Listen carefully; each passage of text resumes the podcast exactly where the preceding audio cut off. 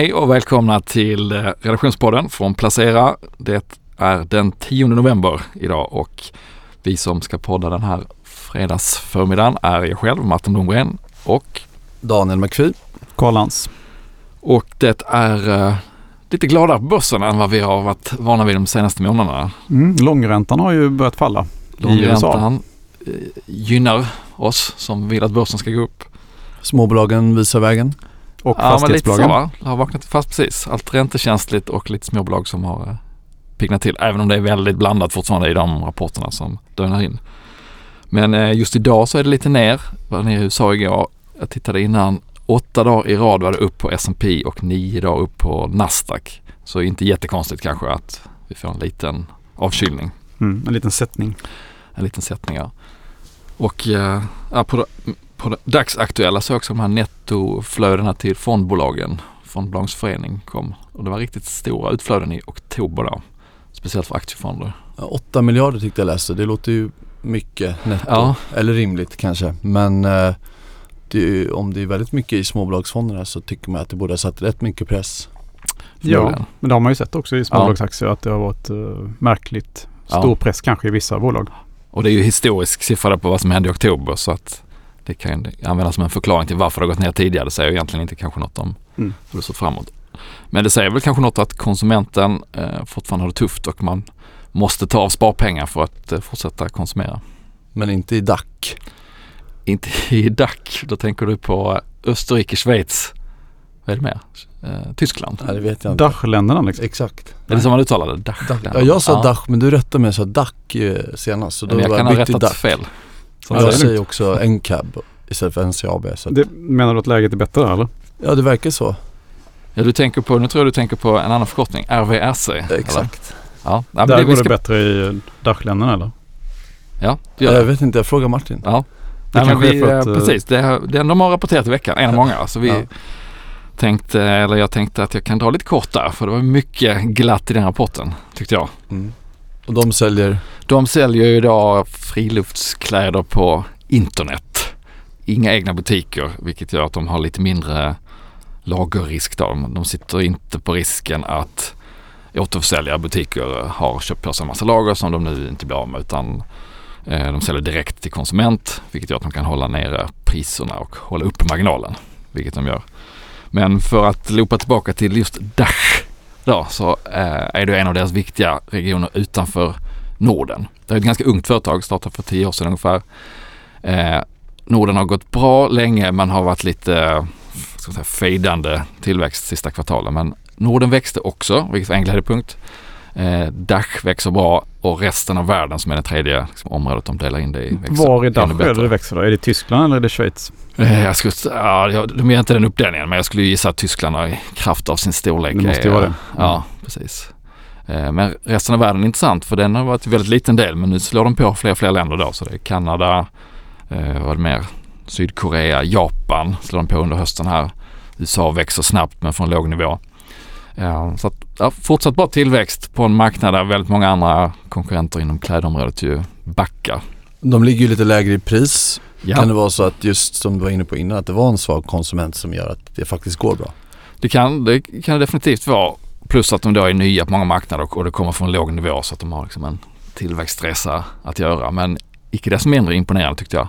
Och eh, marginalen ligger ju liksom på knappt 20 rörelsemarginal. Skulle ju många andra klädbolag eh, hoppa och studsa över. Gråta. Ja, glädjetårar. precis. Men deras, deras mål är då att ligga på 25 procent så de, de, har och legat över det tidigare.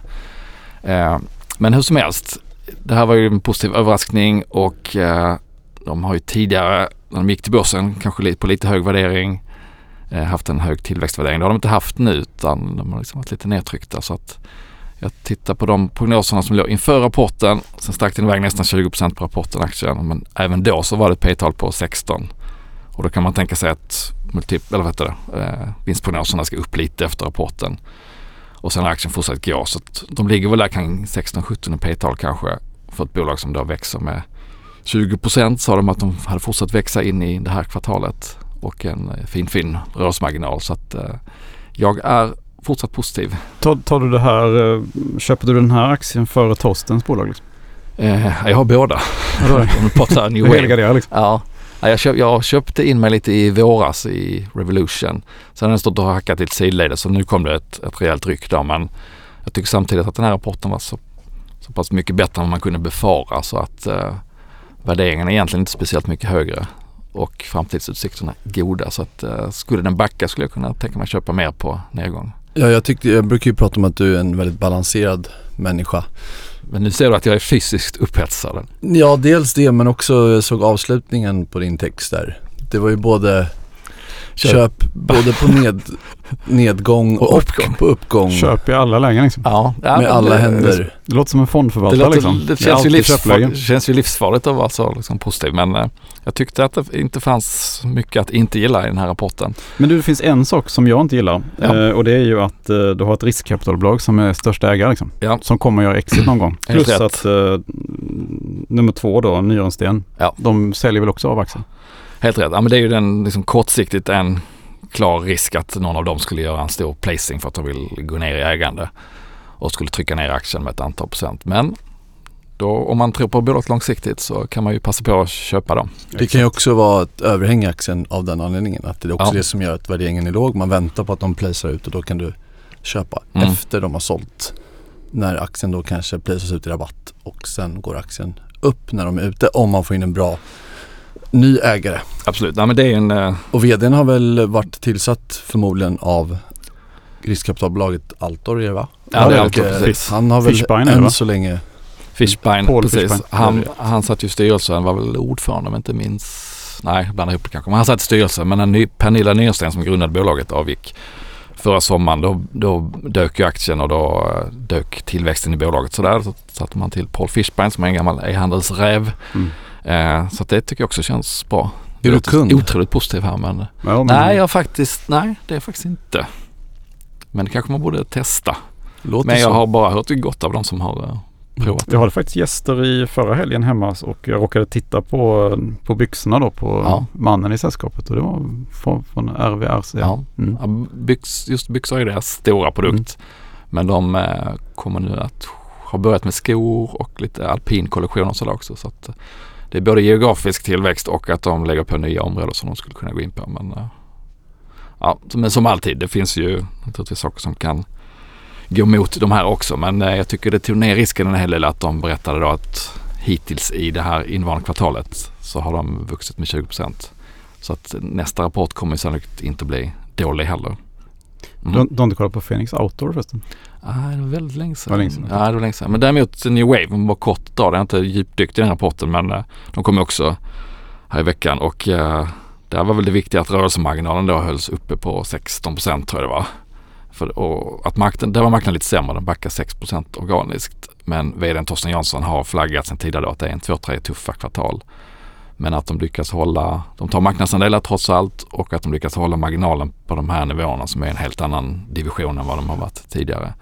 Tycker jag var ett, eh, ett så kallat styrketecken. Och han var mindre orolig nu än senaste kvartalet. Sa han i alla fall. Ja, Sen precis. Var, om det är sant det. eller inte, det vet man inte. Ja, men... han sa det att, att jag känner mig mindre orolig nu än för ett kvartal sedan. Så att någon slags bottenkänning kanske det ändå är i retail och eh, sportklädes, sportproduktshandeln. För det är ju riktigt tufft just nu men det beror mycket på att eh, återförsäljare och butiker drar ner på lager. Och då blir det liksom tvärstopp för de som, som säljer in i butikerna. Men du äger RVRC, ja. New Wave. Ja.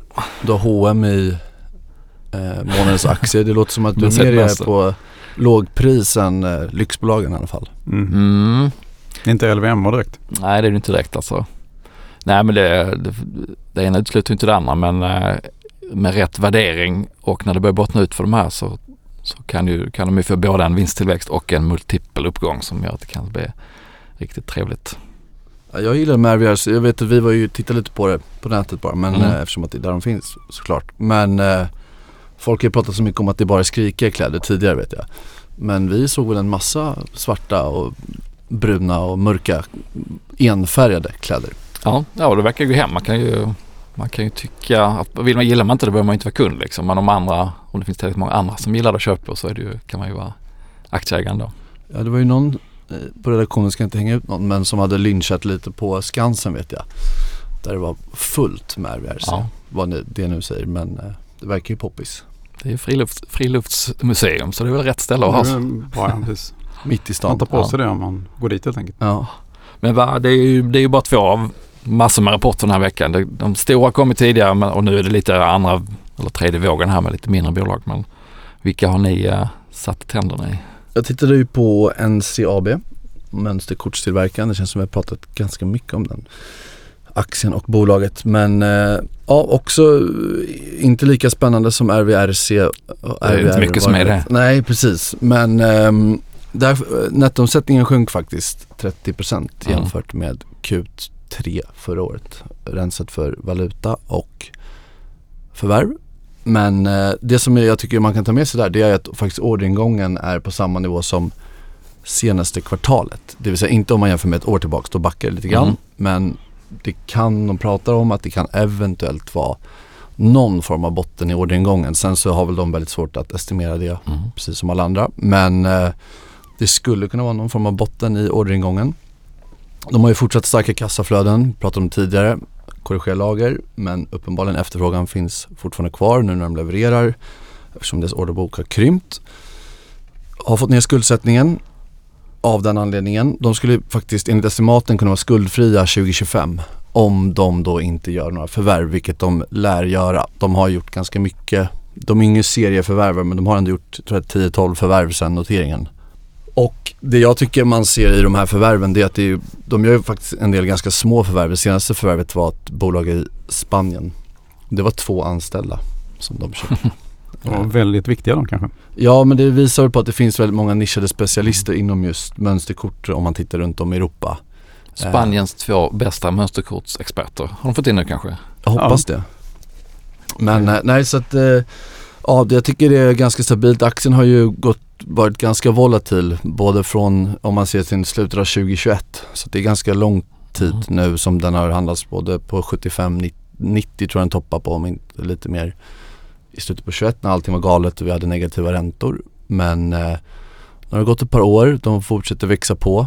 Eh, vinsten kanske står still i år, kanske minskar lite. Jag, enligt estimaten tror de att, tror analytikerna att vinsten växer nästa år men även det kan man ju ställa sig lite frågande till och fundera på att det kanske blir något form av lugnt år. Man får ju också komma ihåg det här att, tycker jag, man ska nästa år kommer man ju börja prata om att ah, men nu kommer vinsterna ner i många bolag, i min känsla mm. i alla fall.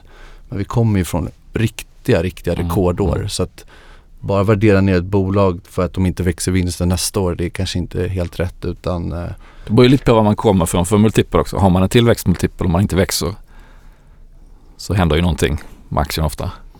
Ja precis, det gör ju det och då Något kanske man ska, precis, och då kanske man ska köpa istället så kanske det växer 2025, 20, 2025, mm, 2026. Men eh, så att, nej jag gillar ju verkligen det här bolaget. Det är ett stort insiderägande. Det är kapitalet, de äger ju inga egna fabriker. Det är också en grej de har sett att eh, alla, eller många fabriker i Asien under pandemin har ju investerat enormt i kapacitet. Och nu när efterfrågan har kommit ner, det vill säga generellt, eftersom att de hyr in sig hos fabrikerna så har de väldigt bra koll på hur beläggningen ser mm. ut. Och där har man överinvesterat i fabriker. Vilket har pressat ner priserna i branschen i stort. Så att ja, de så har deras inköpskostnader blir bättre och bättre då? Ja, de är billiga, eller billiga att mm. tillverka men de har också en press, eftersom det är en generell press så har ju de också måste de ju anpassa priserna till kund för mönsterkorten eftersom att deras konkurrenter kan tillverka mm. billigare. För okay. att, så att det, det är ju egentligen en, en, negativ effekt på dem om man ser till prismässigt. Det som däremot är fördelen är att en stor del av deras eller en viktig del av deras erbjudande är ju att leverera de här mönsterkorten i tid. Eftersom att de, eller så fort som möjligt eller i alla fall i precision. Så att om du inte har det här mönsterkortet, den här roboten kan du ju faktiskt inte fortsätta bygga då. Mm. En industrirobot till exempel. Så att det är ju, på det sättet är det ju bra. Det är ju bättre än att kanske att leveranskedjorna inte funkar, att de har jättedyra tillverkningskostnader. Men det har satt en tillfällig i alla fall press och Asien är ju lite trögare, det har man ju hört inom industrin mm, mm. och även ja, lyxbolagen för att komma tillbaka till dem.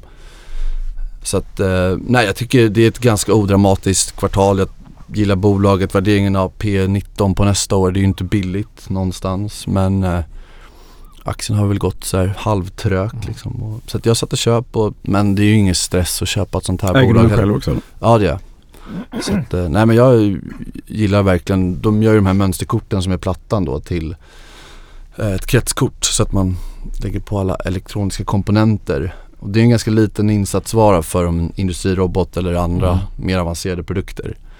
Och eh, jag tycker ändå att det är ganska logiskt att eh, den strukturella trenden de har med sig borde fortsätta. Är det inte en lite små, småbolagsfondsfavorit där också eller? Jo det är ju det men det har faktiskt varit en del stora försäljningar mm. från vissa fondbolag.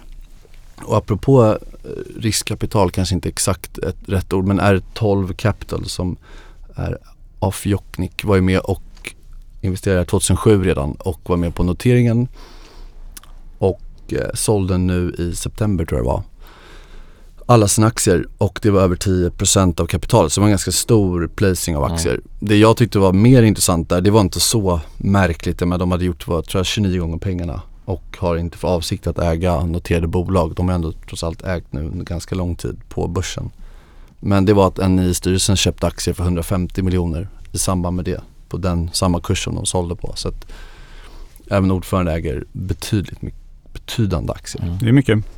Ja, nej så att eh, nej, ja, det finns mycket att gilla. Sen tror jag att aktien kan väl, det är inte så att den kommer vara någon raket och det finns Behålls, en behåll plus eller vad ska man? Ja absolut, ja. behåll plus. Men eh, nej men det är ju väldigt svårt att tajma. Men eh, nej jag har satt köp och mm, mm. Det var, jag tror också att det är en sån här typ av aktie som ganska sentimentsdrivet. Jag såg igår när vi hade en väldigt bra börsdag. Då var den upp 6-7 procent. Och det är en sån det är ett sånt bolag. Jag tror många andra investerare, även större investerare, kanske inte säljer i första hand. Ja. Och om vi nu ska prata aktien och flöden etc. så tror jag att det är många som eh, gärna sitter på den aktien länge. De har ju en brutal historik på avkastning på kapitalet. Men ett helt annat P-tal hittar vi i DACH-regionen. I DACH-regionen ja. Eh, jo, men jag har ju kollat på lite europeiska bolag eh, och eh, en sak som sticker ut är ju Volkswagen faktiskt. Ja. Eh, de eh, lämnar rapport här. Omsättningen upp 11,5 procent. Eh, rörelsemarginalen ner något. men aktien då har ju fortsatt att falla kan man säga i år och nu handlas den till P-tal på 3,4. Helt sjukt egentligen alltså. Och det är även historiskt sett väldigt ja. lågt. Den brukar ligga runt P-tal på 6 mm. faktiskt. Och det är ju också väldigt lågt. Jag minns för två år sedan så hade man som mål att man skulle värderas i eh, som Toyota då som man ser som sin största konkurrent mm. i världen. Eh, och där ligger vi på ett P-tal på 10-12 någonstans. Mm. Eh, men det som eh, drar ner aktien nu är ju eh, att ungefär 40% av omsättningen kommer från Kina. Eh, och i, i, Kina själv är konkurrens, hårda konkurrensen mycket. bland, för inhemska tillverkarna har blivit väldigt duktiga. Plus att de här inhemska kinesiska tillverkarna nu vill erövra Europa också. Så att eh, det är mycket det som har eh, fått kursen på fall. Då. Samtidigt som man ser då en vikande marknad också. Mm. Att, eh, och särskilt elbilsförsäljningen går inte så bra som man ville. Ja, det måste ju vara en jätterabatt då på för risken att de inte går vinnande ur eh, elbilsracet. Ja. Utan bara sitter med. Så, så, att det är ungefär, ungefär 10 nu på nio månader då av, mm. av uh, antalet sålda bilar var elbilar då. Mm. För visst var också P talet även om man blickar ut några år extremt lågt. Det är ja. inte så att det är bara billigt på rullande 12. Det ligger ju här på 3 liksom. Mm. Uh, och då får man ju tänka att hela Volkswagen värderas nu till runt 50 miljarder euro. Uh, och uh, de äger fortfarande 75 procent av Porsche mm. som man då noterade samtidigt förra året. och Porsche i sig har ju också fallit en del men det är fortfarande ett marknadsvärde på runt 35 miljarder euro. Mm. De äger 90% av Traton mm. till exempel. Alltså, och de är också sjukt lågt värderade. Ja. Eller sjukt, det får väl någon annan bedöma, men lågt värderade. Ja, och sen har de ju fortfarande då eh, helägande i, i många andra fina bilmärken. Mm. Uh, så att uh, uh, någonstans finns det ju ett köpläge här. Sen det som ligger lite grann som en död hand över det är ju att uh, Niedersachsen då som är ett förbundsland i Tyskland äger 20% av Volkswagen. Och de kommer ju aldrig att sälja det. Nej. Eh, så att du har ju då statligt ägande kan du säga som eh, gör att ett, eh, ett riskkapitalbolag kan inte ta över Volkswagen. Delar de ut några pengar? Absolut, det gör de. Mm. De har till och med en extrautdelning här i samband med att de sålde då Porsche. Eller sålde ut 25 av Porsche. Um, så att uh, du har bra direkt. Du har en nettokassa fortfarande trots uh, de här extrautdelningarna. Uh, så att ja, nej, det är alltså någonstans blir det ju för billigt liksom. Mm. Mm. Ja, och, och sen jag tror det här, med, det här med att kinesiska biltillverkare skulle helt och hållet sluta den europeiska bilindustrin, det tror jag inte riktigt på heller för att det kommer att komma skyddstullar liksom, mot mm. industrin. Eh, så om inte annat kommer de att skyddas av det. Liksom. Jag tycker man ändå ser många av de här Volkswagens elbilar rulla omkring i ja, Sverige i alla fall. också faktiskt. Det är rätt så vanligt förekommande. ID3 och ID4 eller vad det är. Det är mycket tjänstebilar tror jag. Ja, ja just det. Så de kanske äh, får hjälp av den här Tesla-blockaden nu då? Jaha, just det. De kastas ut. Mm. Det, ja. det är ju ett dåligt sätt att hjälpa kanske. Nej men Volkswagen det borde vara intressant på lite sikt kan man tycka. Mm. Trots, alltså riktigt så här lågt ska det inte vara värderat tycker jag. Men typ bara genom att frigöra lite ägande i Porsche eller Traton borde det kunna ja, precis. hända grejer. Ja det räcker ju. Det räcker ju. Och nu, nu gör de dessutom ett sparprogram då. De har anställningsstopp och mm. de eh, ska verkligen spara pengar. Och Traton har väl gått rätt starkt senaste tiden på börsen så bara den värderingen borde ha kommit upp. Ja det liksom gick starkt eh, början på året, våren. Sen har det gått lite mer sidledes då men den är ju också vad heter det, lönsamheten har kommit upp men inte aktien så mycket faktiskt sista kvartalen sådär. Så att det är också jättelåg värdering och uh, ja det är väl ägandet som ställer till det men... Uh, och sen får man ju säga då att alltså biltillverkare, tyska biltillverkare är ju lågt värderade. Mm. Alltså om man kollar på BMW och, och, Mercedes till exempel så ligger de ju på 5-6 kanske någonstans. Mm. Det är fortfarande 100% upp nästan. Det är fortfarande 100% upp, precis. Ja. Det är det jag menar. Det, det här är för lågt tror jag. Ja, 3,5 låter otroligt lågt. Nej men eh, det, det, om, man, om man gillar bottenfiske. Eh, det är visserligen ett ganska kritiskt läge på börsen och sådär men eh, då kan det vara lite intressant. Ja. Men Martin du har ju tittat på, mm, folk är inte alltid eniga om, att, om saker man ser. Nej, jag, precis. Jag kollar på riktkurserna. Ja. Antar att det är den du tänker på? Ja, just det. Eh, hur analytikernas riktkurser ser ut för bolagen på Stockholmsbörsen. Och eh, ofta tittar man ju på snittet eller medianen då för att se vad är potentialen. Men jag tog och tittade på dem, den som är högst och den som är lägst på varje aktie för att se liksom, var är oenigheten störst. Eh, och då fick jag fram en lista som väl var spännande men inte fullt så spännande som jag hade hoppats för att det var en hel del forskningsbolag. Eh, Hansa Biofarma i topp då. Där det av naturliga skäl blir otroligt stora skillnader i utfall beroende på om man lyckas med en studie eller inte. Men, eh, När du säger att den är i topp, då menar du att riktkursen är långt över nuvarande aktiekurs? Nej. Eller är det topp? Bra att du att hugger in där. Fattar. Skillnaden mellan den högsta riktkursen och den lägsta. Ah, sorry. Alltså mellan pessimisten och optimismen där det är mm. störst, uh, störst spread. Störst spread. Ja. Störst uh, oenighet. Men förutom en del forskningsbolag då så hittar man rätt många av årets stora förlorare. Så uh, SBB till exempel där är den lägsta analytikern på tror att det är 2 kronor och den högsta 10 kronor. Viaplay som har kollapsat också jättestor skillnad.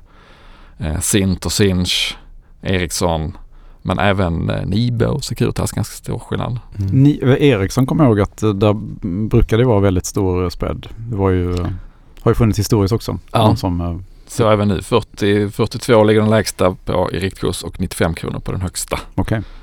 Så eh, ja, man kan gå in och läsa på placeringar om man vill se hela listan. Men jag tog också och tittade på det som du var inne på där, snitt eller medianriktkursen. Hur stort är avståndet upp dit? Alltså vad är potentialen?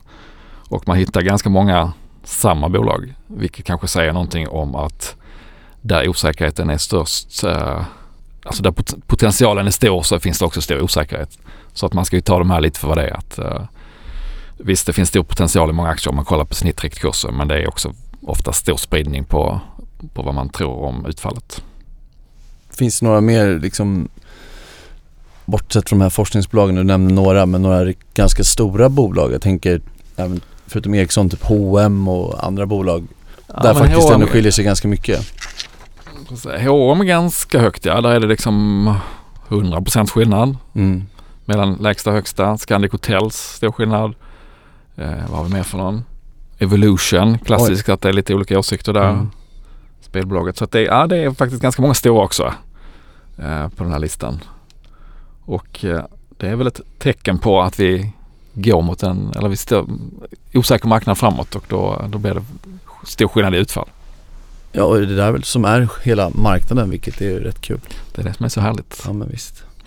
Eh, men Kalle, om vi inte bara ska prata aktier nu. Jag vet att du träffade en förvaltare eller strateg som hade tagit ett bett i kronan eller? Ja precis, jag äh, träffade ju äh, Mark Nash från Jupiter här. Han var pratade på en konferens på Grand Hotel i Stockholm. Eh, och eh, de ser ju att eh, den amerikanska långräntan då eh, är, befinner sig i en fallande trend. Och då har han eh, tagit positioner då i eh, utbombade valutor. Eh, och, det är ofta och då hittade han? Och då hittade han kronan. och till exempel nyzeeländska dollarn till exempel, mm. en sån valuta. Eh, där de då tagit långa positioner för de tror att just de som har fallit allra mest kommer stärkas när den amerikanska långräntan då eh, faller. Liksom. Mm. Mean reversion. Ja, så att han sa det där att ja, egentligen är Sverige skitsamma då men eh, det handlar om USA egentligen. Mm. Och det här är ganska kort sikt då, menar, kort till medellång sikt. Eh, samtidigt så hade han, eh, hans bild var ändå att eh, dollarn måste egentligen försvagas på lite sikt också då. Eh, för att eh, finansiera då de stora underskotten. Liksom. Mm. Så kronan var egentligen inte att han tror på Sverige utan att han tror att det har gått för långt? Exakt, för att dollarn har gått för långt. Ja. Mm. Hade han någon typisk åsikt om Sverige eller fick du någon uppfattning om det? Ja, jag försökte pressa honom lite grann men uh, nej, han uh, hade faktiskt ingen uh, varken bra eller dålig åsikt om Sverige som nej. land och som ekonomi. Och, nej, det var... Han blandade ihop det med Schweiz kanske? ja, kanske. Men ja, i alla fall, kronan har ju börjat stärkas så att mm. det har ju gått bra hittills i alla fall för hans trade. Kanske är botten Och Riksbanken stödjer lite grann också. Mm. Klart. Mm med sina dollarförsäljningar. Och kanske en räntehöjning i kanske det november. Kanske, ja precis. Mm. Om vi blickar fram så är det väl KPI-siffra, inflationssiffra nästa vecka och sen är det väl ytterligare en vecka så är det väl svenska räntebeskedet. Mm. Men även om de skulle höja där så kom, är det väl det sista va? Eller vad säger du makrospecialist Daniel McPhee? Jag kan ju bara hoppas. Men eh, det är ju egoistiska skäl. Nej men eh, jag har ingen aning. Jag, jag, vill, jag är mer eh, intresserad av att se den här lilla åsikten som vissa har om att en lägre ränta eller en pausad räntehöjning skulle innebära att kronan stärks för att just den här svenska negativa bilden handlar om skuldsättningen. Mm. Den tycker jag är lite intressant tes att eh, räntehöjningar kommer bara förvärra läget. Så att jag hade hoppats på att de pausade för att se vad som händer med kronan av den anledningen. Eller, nu kommer de ju inte sänka men det hade varit kul om de sänkte. Uh, nu kan jag ju inte, ingenting om sånt här men De flesta är ju inne på snarare att uh, nej det blir tvärtom. Det blir längre än vad marknaden tror också. Ja, det var Mark ja. Nash också tydlig med att han tror att det blir uh, Räntan kommer vara högre längre och han tror på det centralbankerna säger då faktiskt. Mm. Ja. Så att det är alla, och när alla tror det här då kanske det inte blir så också. Ja, det kan man ju hoppas på. Precis. det brukar inte vara så att alla har rätt direkt. Nej men jag tycker man ser många som pratar nu om att ja, men en räntehöjning till skulle faktiskt stärka kronan nu. Men mm. tänk om det vore så att de inte höjde och det stärkte kronan. Mm. Jag vet inte. Jag man signalerar att nu är det, det, kan ju vara så att kronan stärks ändå så att säga eftersom amerikanska, om amerikanska långräntorna fortsätter ner. Mm. Av det bara liksom, ja, Det verkar vara mycket dynamik där man inte förstår. Där också. Precis. Men något man förstår är ju vad man själv har gjort eller? Nej det tror jag är inte det heller är mindre tror jag. Hur, uh, det jag försöker fiska efter är ju om ni har gjort något i era egna Ja, alltså jag har ju, uh, jag gillar ju, om man har följt den här podden så har man ju, vet man ju att jag har bottenfiskat i fastighetssektorn de senaste mm. månaderna. Och det har varit med viss, med viss framgång faktiskt, uh, får jag säga. Eh, och jag fortsatte bottenfisket och eh, har lagt till nyfosa faktiskt som ja. ett innehav. Eh, och det gjorde jag mycket på grund av att Jens Engvall då, som är VD eh, har fortsatt att eh, köpa. Eh, och jag såg faktiskt att han köpte igår också. Eh, det visste jag faktiskt inte men, eh, men han har köpt regelbundet här. Mm. Eh, så att det tycker jag är en positiv signal och, då, och att fastighetssektorn kanske vänder då också nu. att vi har nått räntetoppen. Det verkar ju marknaden lite grann prisa in nu i alla fall. Mm.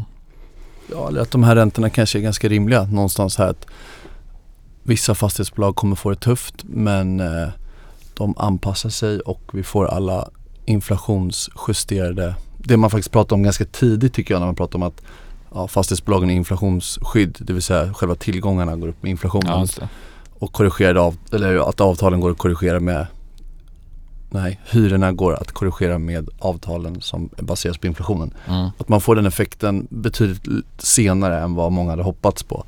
Men att om vi får lite pausade räntor och höjda, höjd intjäning så kan det bli rätt fint till slut. Mm, precis, det borde ju bli bra till slut, till slut. med fastighetsbolagen. Ja, det är ett stort tema för nästa år i alla fall. Vilka som klarar det bra och vilka som får problem när de ska lägga om sina obligationer. Vad har du själv gjort? Ingenting. Jag är, jag är fullt tankad nu så jag sitter och, ja, sitter och åker med bara. Huset är intecknat. typ.